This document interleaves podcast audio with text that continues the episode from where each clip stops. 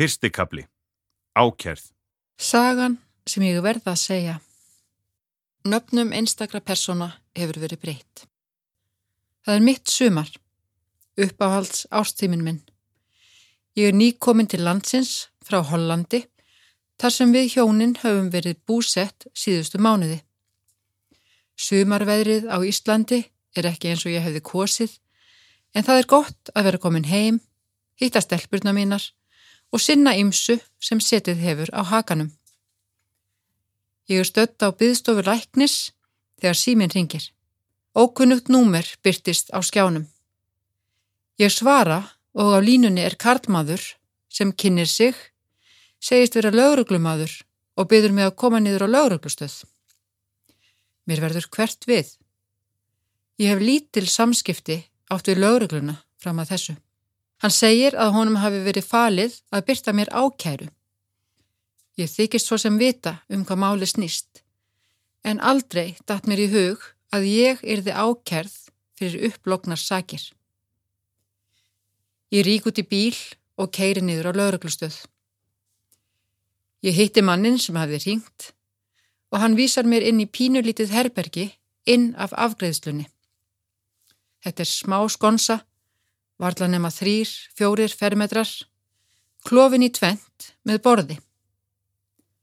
Lögreglumadurinn, sem er í eldri kantinum og reglulega indæll, býður mér sæti og býður mig að skrifa undir ákæru sem likur á borðinu.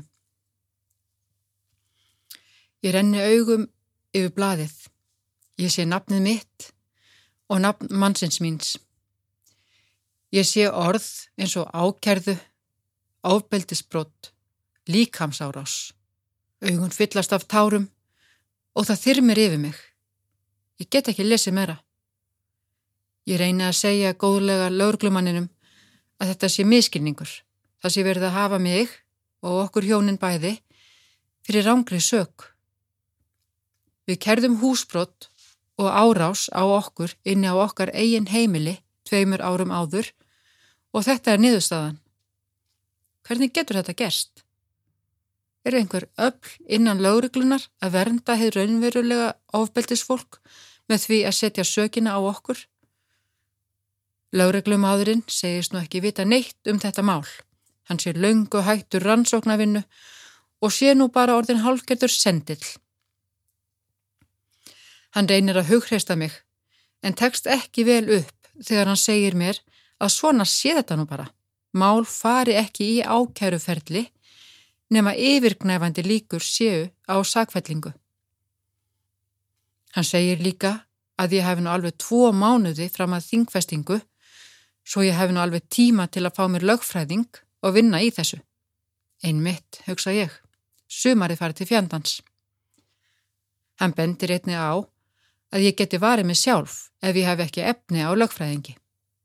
Ekkert af þessu róar mig. Þvert á móti. Allt ringsnýst í hausnum á mér.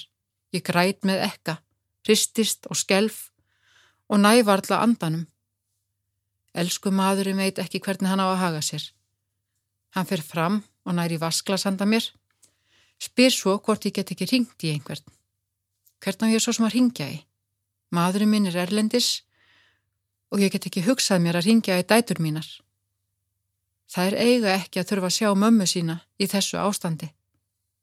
Já, og hvernig ætla ég að segja þeim að móður þeirra sé ákjart fyrir líkamsárás? En byður laurglumadurinn mig að skrifa undir ákjæruna. Ég get ekki fengið mig til þess. Mér finnst eins og með undirskrift sé ég að samþykja að ég sé ofbildismanneskja. Eftir einhverja stund tek ég mig saman í andlitinu og ringi í bróður minn sem segist koma strax. Ég króta stafina mína undir blaðið og fer út. Ég ránka við mér standandi út á hverfiskötu. Gengs svo í leiðslu út að bílnum og keiri heim. Lögreglan hefði kannski ekki átt að sleppa konu í tauga áfalli út úr húsi og horfa á eftir henni aga brott.